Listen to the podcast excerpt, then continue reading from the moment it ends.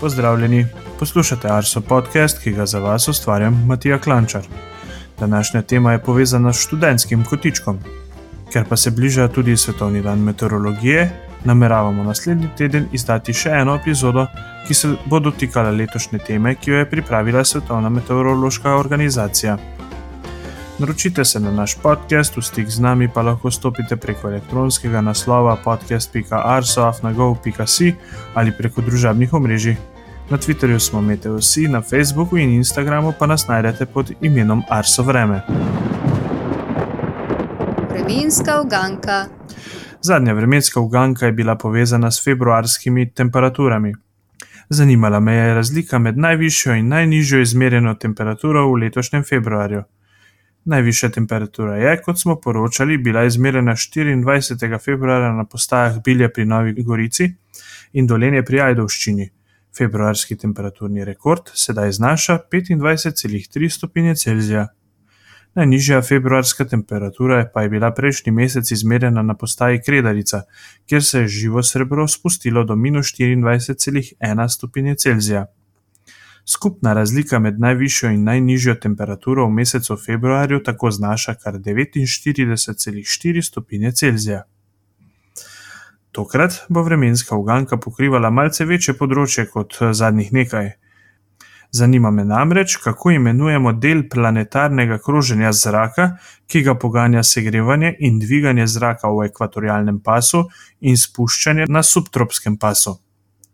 Odgovore nam pustite v komentarjih na Facebooku, na Instagramu, na Twitterju ali pa nam jih pošljite po elektronskem naslovu podcast.arso.afnago.si.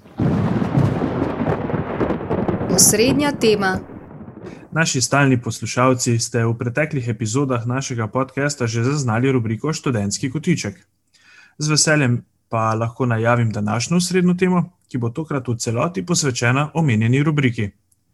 Danes bomo predstavili magistrsko nalogo Matica Pikovnika in pa doktorsko nalogo Nina Črnivec. Pa gremo lepo po vrsti. Na fakulteti za matematiko in fiziko Univerze v Ljubljani je kot zadnji magistriral Matic Pikovnik, ki ga na tem mestu lepo pozdravljam v Arso podkastu. Zdravo, Matic. Živijo. Če se lotva kar tvoje magistrske naloge, s čim si se ukvarjal? Ja, naslov moje magistrske naloge je bil analiza sprememb intenzivnosti hedljive cirkulacije.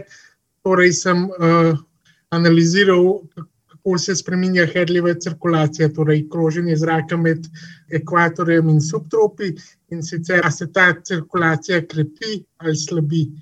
Je mogoče kakšen poseben razlog, da si, si izbral ravno to tematiko, ti je bilo mogoče pri srcu to uh, tropsko, subtropsko delovanje?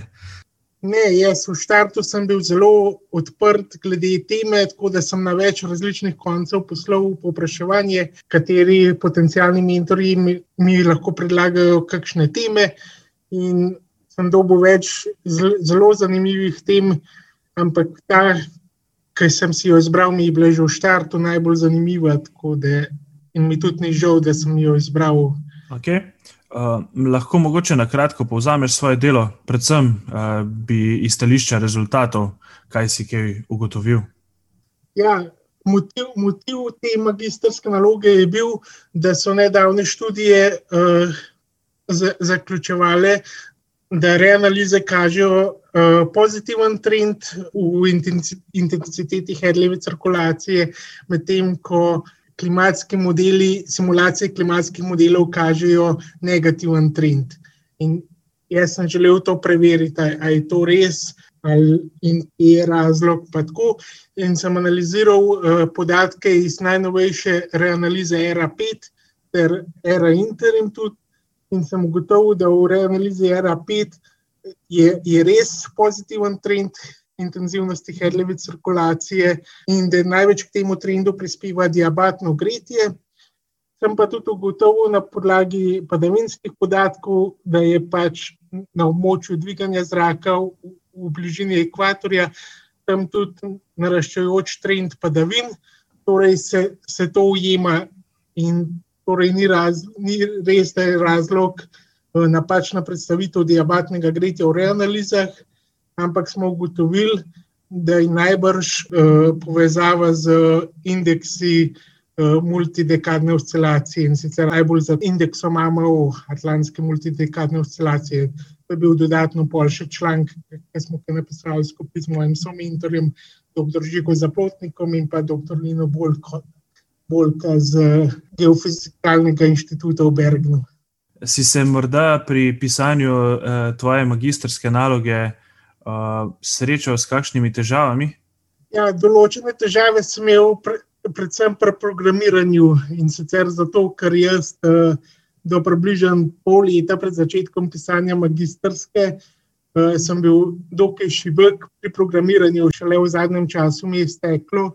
Da moj način programiranja ni, najbolj, ni bil najbolj optimalen, in, in je, ker je podatkov bilo veliko, je bilo računanje zelo dolgotrajno, za en zagon po tri dni, štiri dni.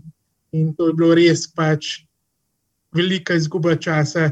Vem, čakaš tri dni, pa pol ugotoviš, da, da moš malo skalo spremeniti, pa spet. Tako, no, pol, pol mi je pa so mentor pokazal vektorski način programiranja.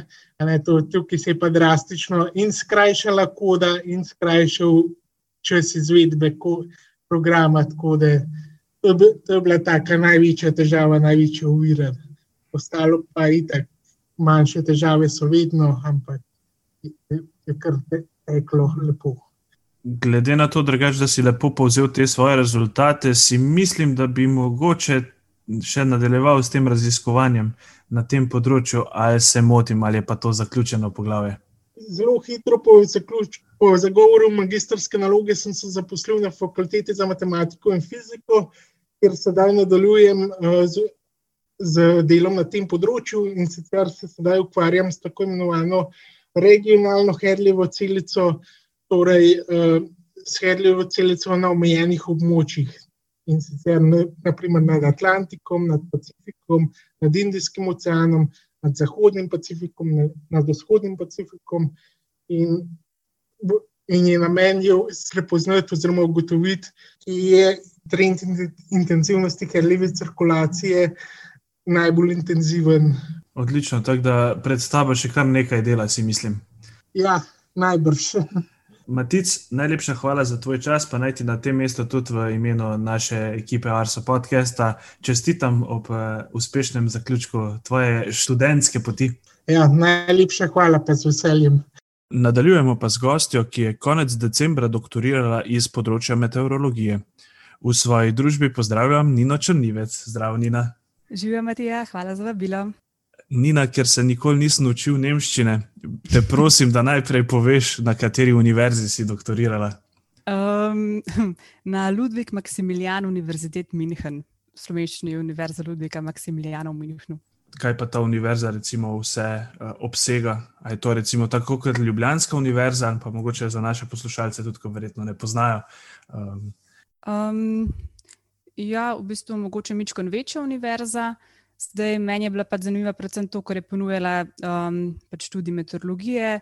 In um, v bistvu jaz sem pa doktorsko nalogo upravljala na Meteorološkem inštitutu, no, niti ne zdaj pač LMU, ampak na Meteorološkem inštitutu v Minhnu, uh mhm. -huh. kjer sem bila v bistvu v skupini za um, raziskovanje oblakov.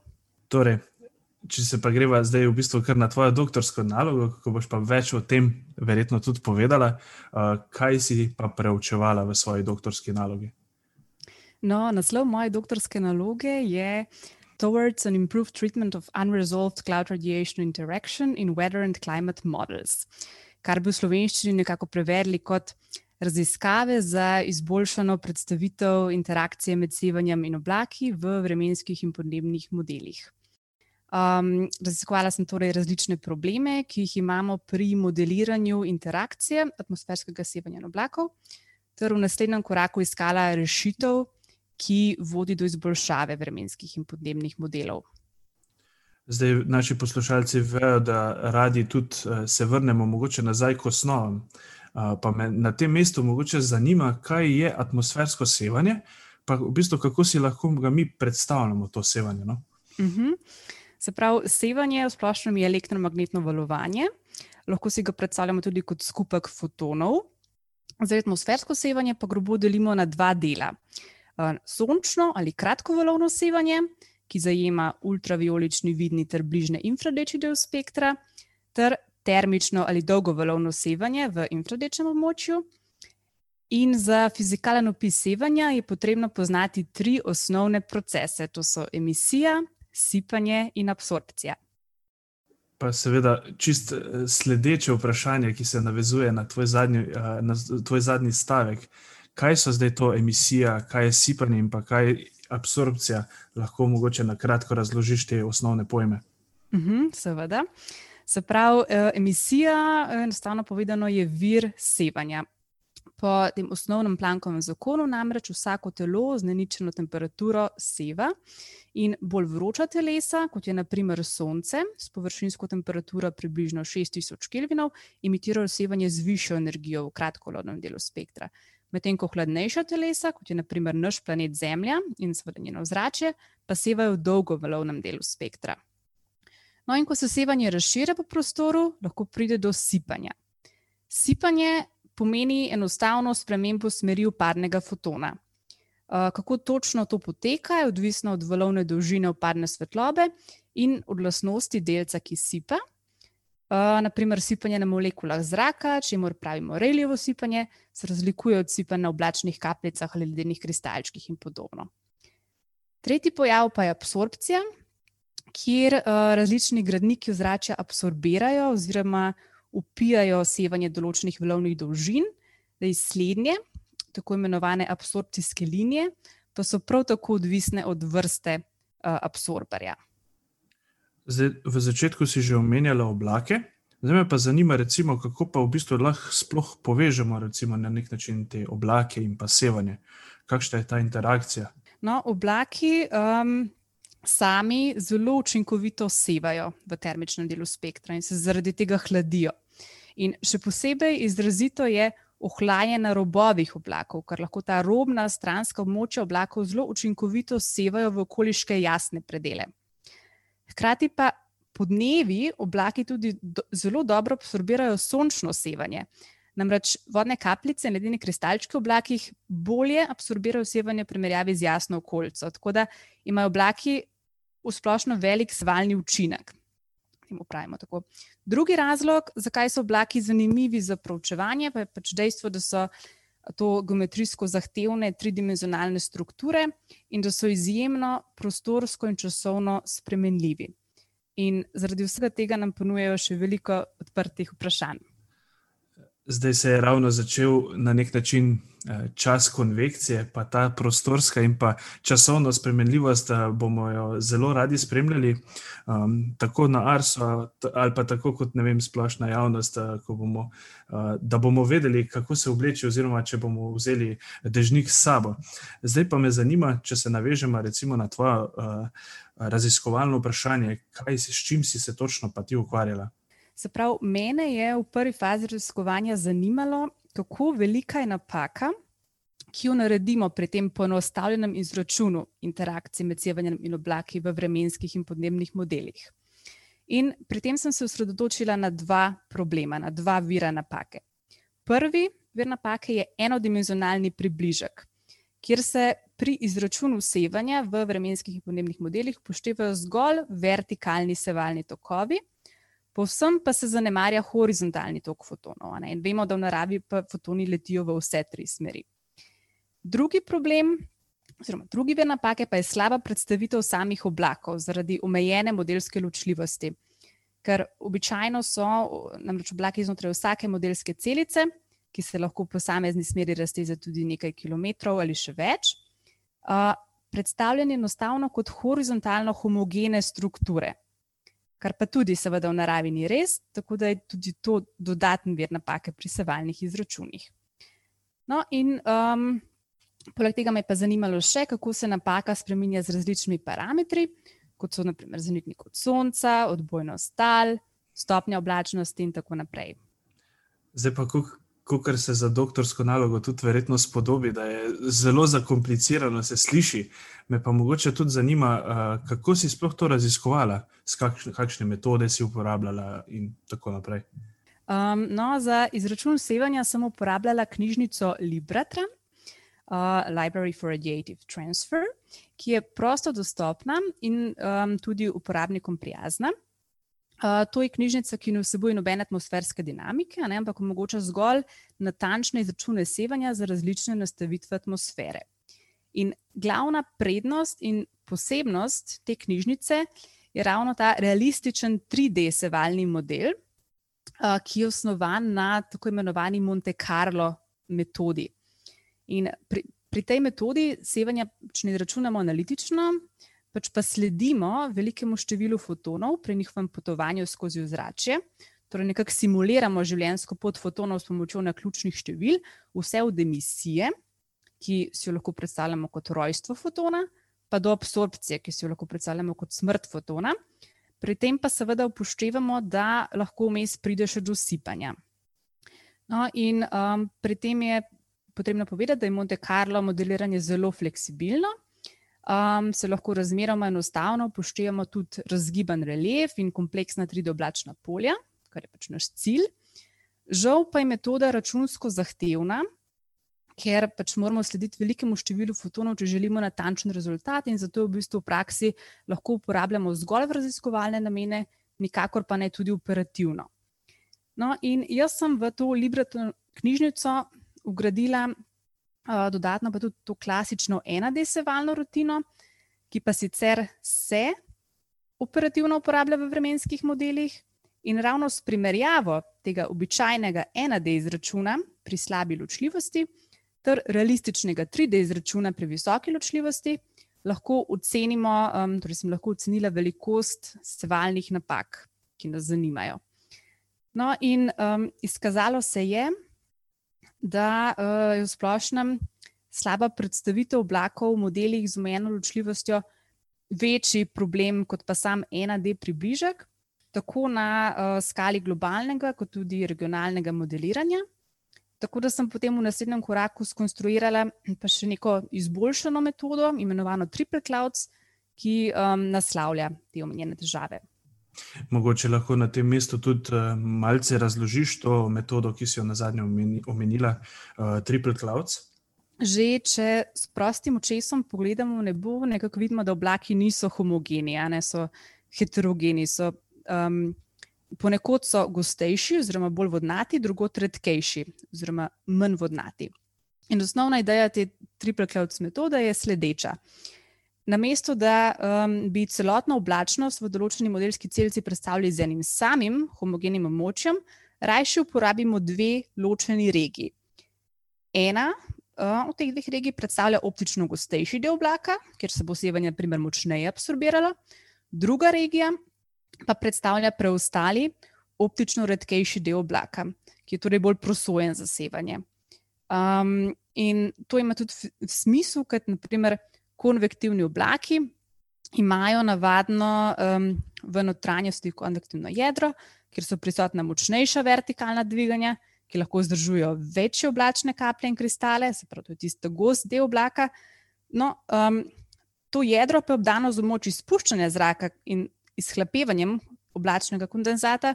In vemo tudi, da na robovih oblaka prihaja do turbulentnega mešanja z okoliškim brezoblačnim zrakom. In posledično so ti robovi oblakov res redkejši, oziroma manj vodnati, manj vodnati kot njihova notranjost. Zato je bi bilo v takih primerih zelo priročno ne, v bistvu predstaviti oblak z dvema regijama. No, in um, pri uporabi Triple Clouds metode uh, je bilo pa potrebno narediti še par dodatnih razmislekov, recimo, kako zdaj najbolj optimalno razbiti to homogeno modelsko oblačnost na dva dela.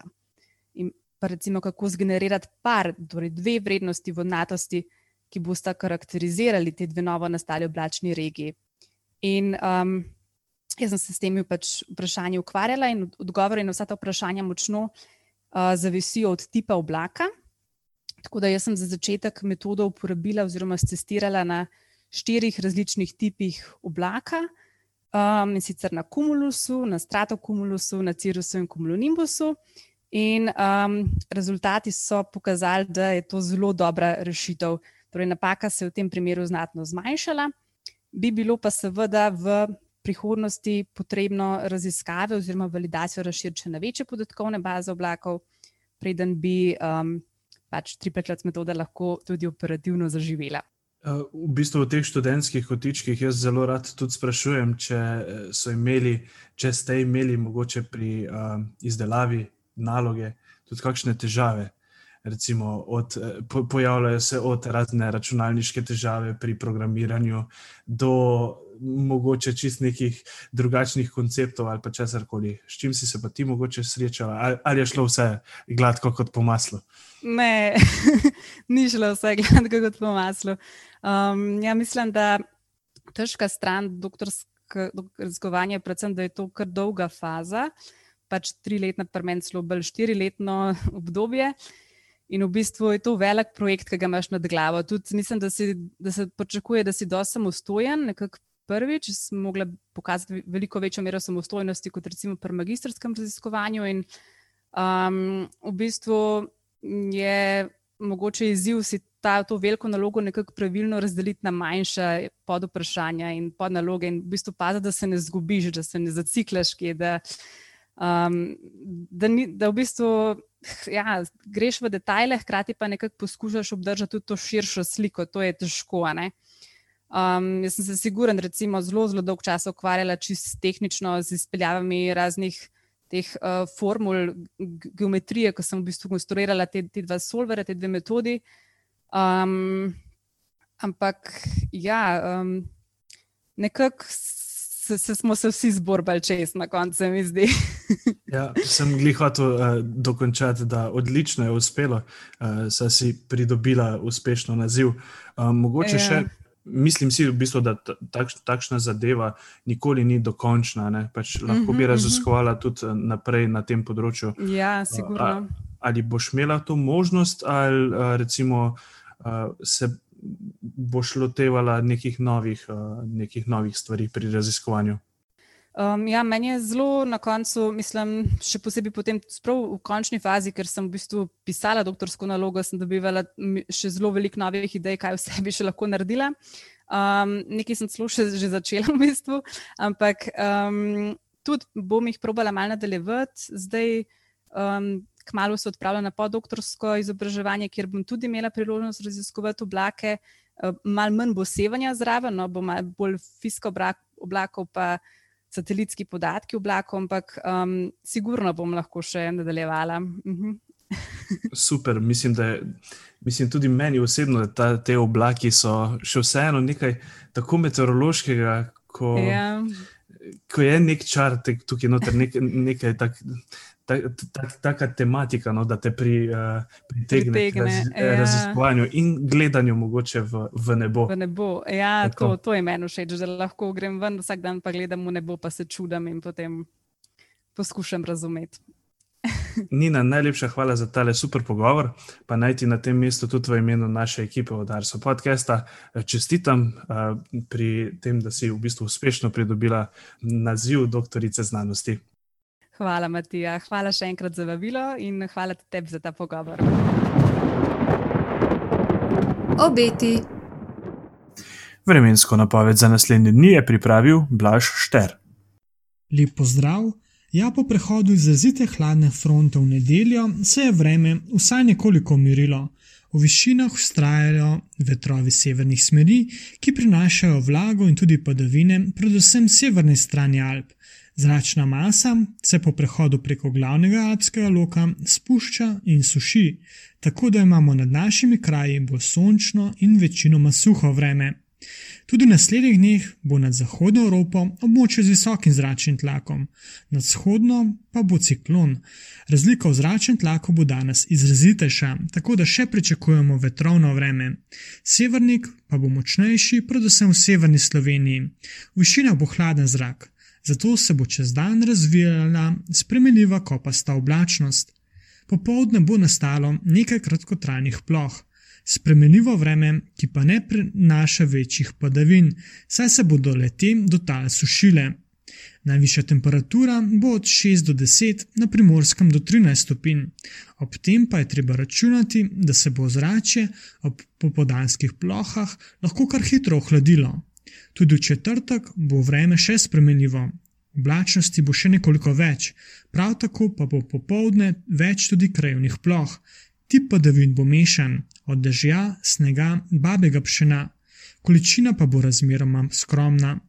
Jutrajna temperatura bo večinoma okrog nič stopinj, še vedno bo mrzlo v Alpskih dolinah, kjer se bo temperatura spustila do minus 7 stopinj.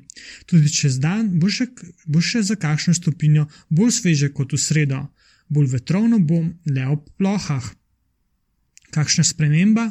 Ja, v petek se bo nad sredozemljem razvijalo ciklonsko območje, ki bo najverjetneje v manjši meri vplivalo tudi na vreme pri nas.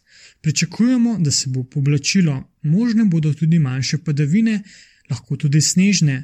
Glavnina padavin pa bo vseeno ostala nad Italijo, Južnim Jadranom in kasneje Balkanom.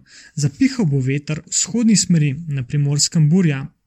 Ja, od poti sredozemskega ciklona pa je odvisno, kakšno vreme bomo imeli za konec tedna.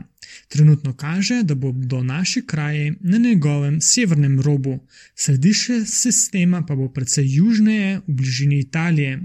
Zaradi udaljnosti večjih padavin zaenkrat ne pričakujemo, vseeno pa lahko zlasti na jugu Slovenije rahlo sneži ali dežuje.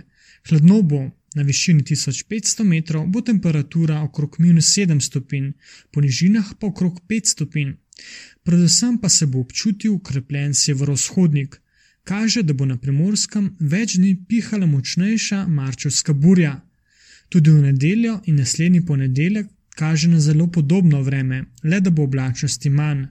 V nadaljevanju prihodnega tedna pa se bo postopno utoplilo, veter bo slabel.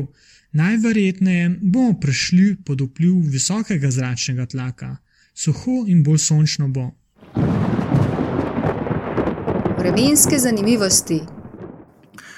V tokratnih vremenskih zanimivostih si bomo ogledali obdobje od 1. do 14. marca. Najvišjo temperaturo smo izmerili na postaji Osilnica. 3. marca se je živo srebro povzpelo na 20 stopinj Celzija. Najnižja temperatura je bila tokrat izmerjena na Novi vasi na Blokah, termometer je pokazal minus 15,7 stopinje Celzija. Najhitrejši sunek vetra smo tudi tokrat izmerili na Krederici. 11. marca je pihalo s hitrostjo 128 km/h.